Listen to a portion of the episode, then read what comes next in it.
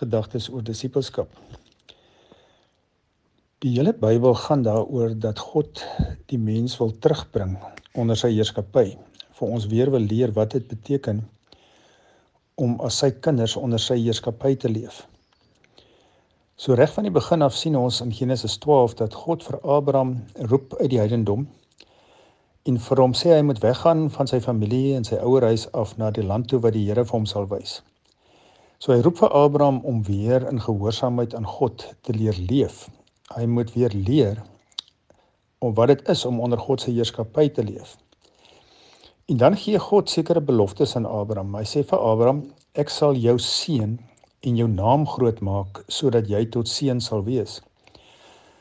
Nou vir mense wat los van God leef, wat begin dink dit gaan oor hulle self en hulle eie koninkryke, verstaan ongelukkig nie die woord seën nie dan begin mense dadelik dink God wil nou vir my en my koninkryk seën.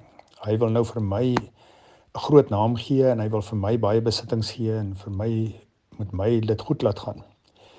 Maar dit is nie wat God bedoel met seën nie. God verduidelik vir Abraham in Genesis 17. Genesis 17 wat seën regtig inhou as hy met Abraham 'n verbond aangaan.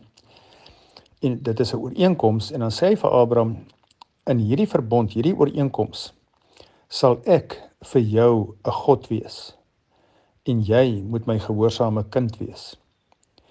Nou dit is die manier waarop God sy kinders seën deur vir hulle 'n God te wees.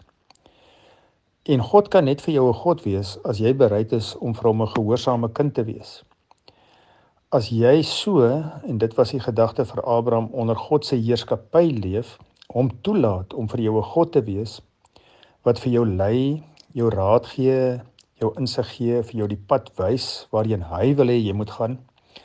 Dat hy vir jou uitgaan, dat jy naby hom leef, dat jy weer jouself in hom vind. Dat jy hom as bron van jou lewe aanvaar en in hom alles vind wat jy nodig het. Dan is daar geen manier waarop jy meer en groter seën kan beleef as jy's dit nie want dan seën God jou met sy wysheid, sy liefde, sy leiding, sy aanvaarding, sy omgee, sy genade, sy goedheid, sy sorg. Alles wat hy is en wie hy is, word met jou gedeel. Dit is seën. En daar is geen ander manier waarop jy meer seën kan kry as deur vir God 'n leerling, 'n disipel, 'n volgeling te wees nie mag jy al meer en meer daarvan ook in jou lewe begin ervaar.